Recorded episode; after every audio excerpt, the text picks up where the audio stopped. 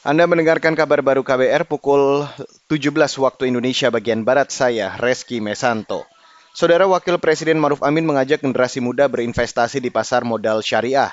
Hal itu diungkapkan Maruf Amin saat meluncurkan video edukasi, sejarah dan talk show atau gelar wicara pasar modal syariah Indonesia hari ini. Pada generasi muda saya berpesan, mulailah belajar berinvestasi. Namun dalam berinvestasi terlebih dahulu harus memahami secara mendalam khususnya terkait pasar modal syariah dan kemajuan teknologi memberikan kemudahan dalam pembelajarannya.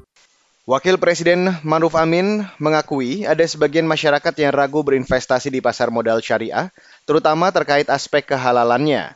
Padahal Majelis Ulama Indonesia atau MUI sudah mengeluarkan fatwa halal terhadap jenis investasi tersebut. Namun Maruf Amin optimis industri pasar modal syariah akan berkembang.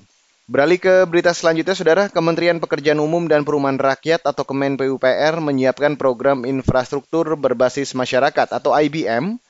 Tujuannya antara lain untuk mewujudkan pembangunan infrastruktur yang partisipatif serta mampu menekan angka kemiskinan ekstrim di 2022. Menurut Menteri PUPR Basuki Hadi Mulyono, ada lima program strategis yang akan dilakukan di 200-an kabupaten kota prioritas.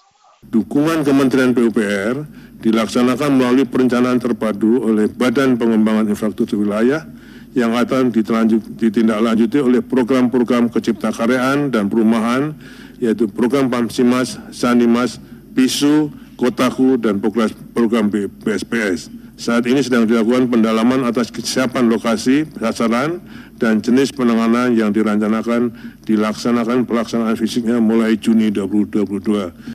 Menteri PUPR Basuki Hadi Mulyono menjelaskan lima program itu di antaranya penyediaan air minum dan sanitasi berbasis masyarakat atau PAMSIMAS dan bantuan stimulan perumahan swadaya atau BSPS.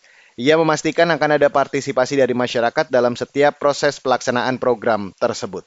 Saudara, ganda Indonesia Muhammad Sohibul Fikri dan Bagas Maulana lolos ke babak 16 besar Korea Masters. Fikri dan Bagas berhasil mengalahkan ganda tuan rumah Kim Jae-won dan Kim Yong-hyuk 21-17, 21-17.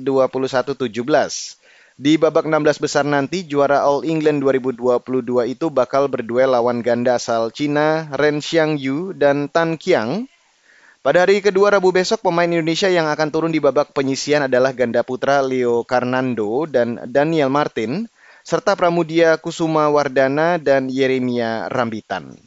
Korea Master 2022 akan berlangsung mulai hari ini hingga Minggu 17 April mendatang.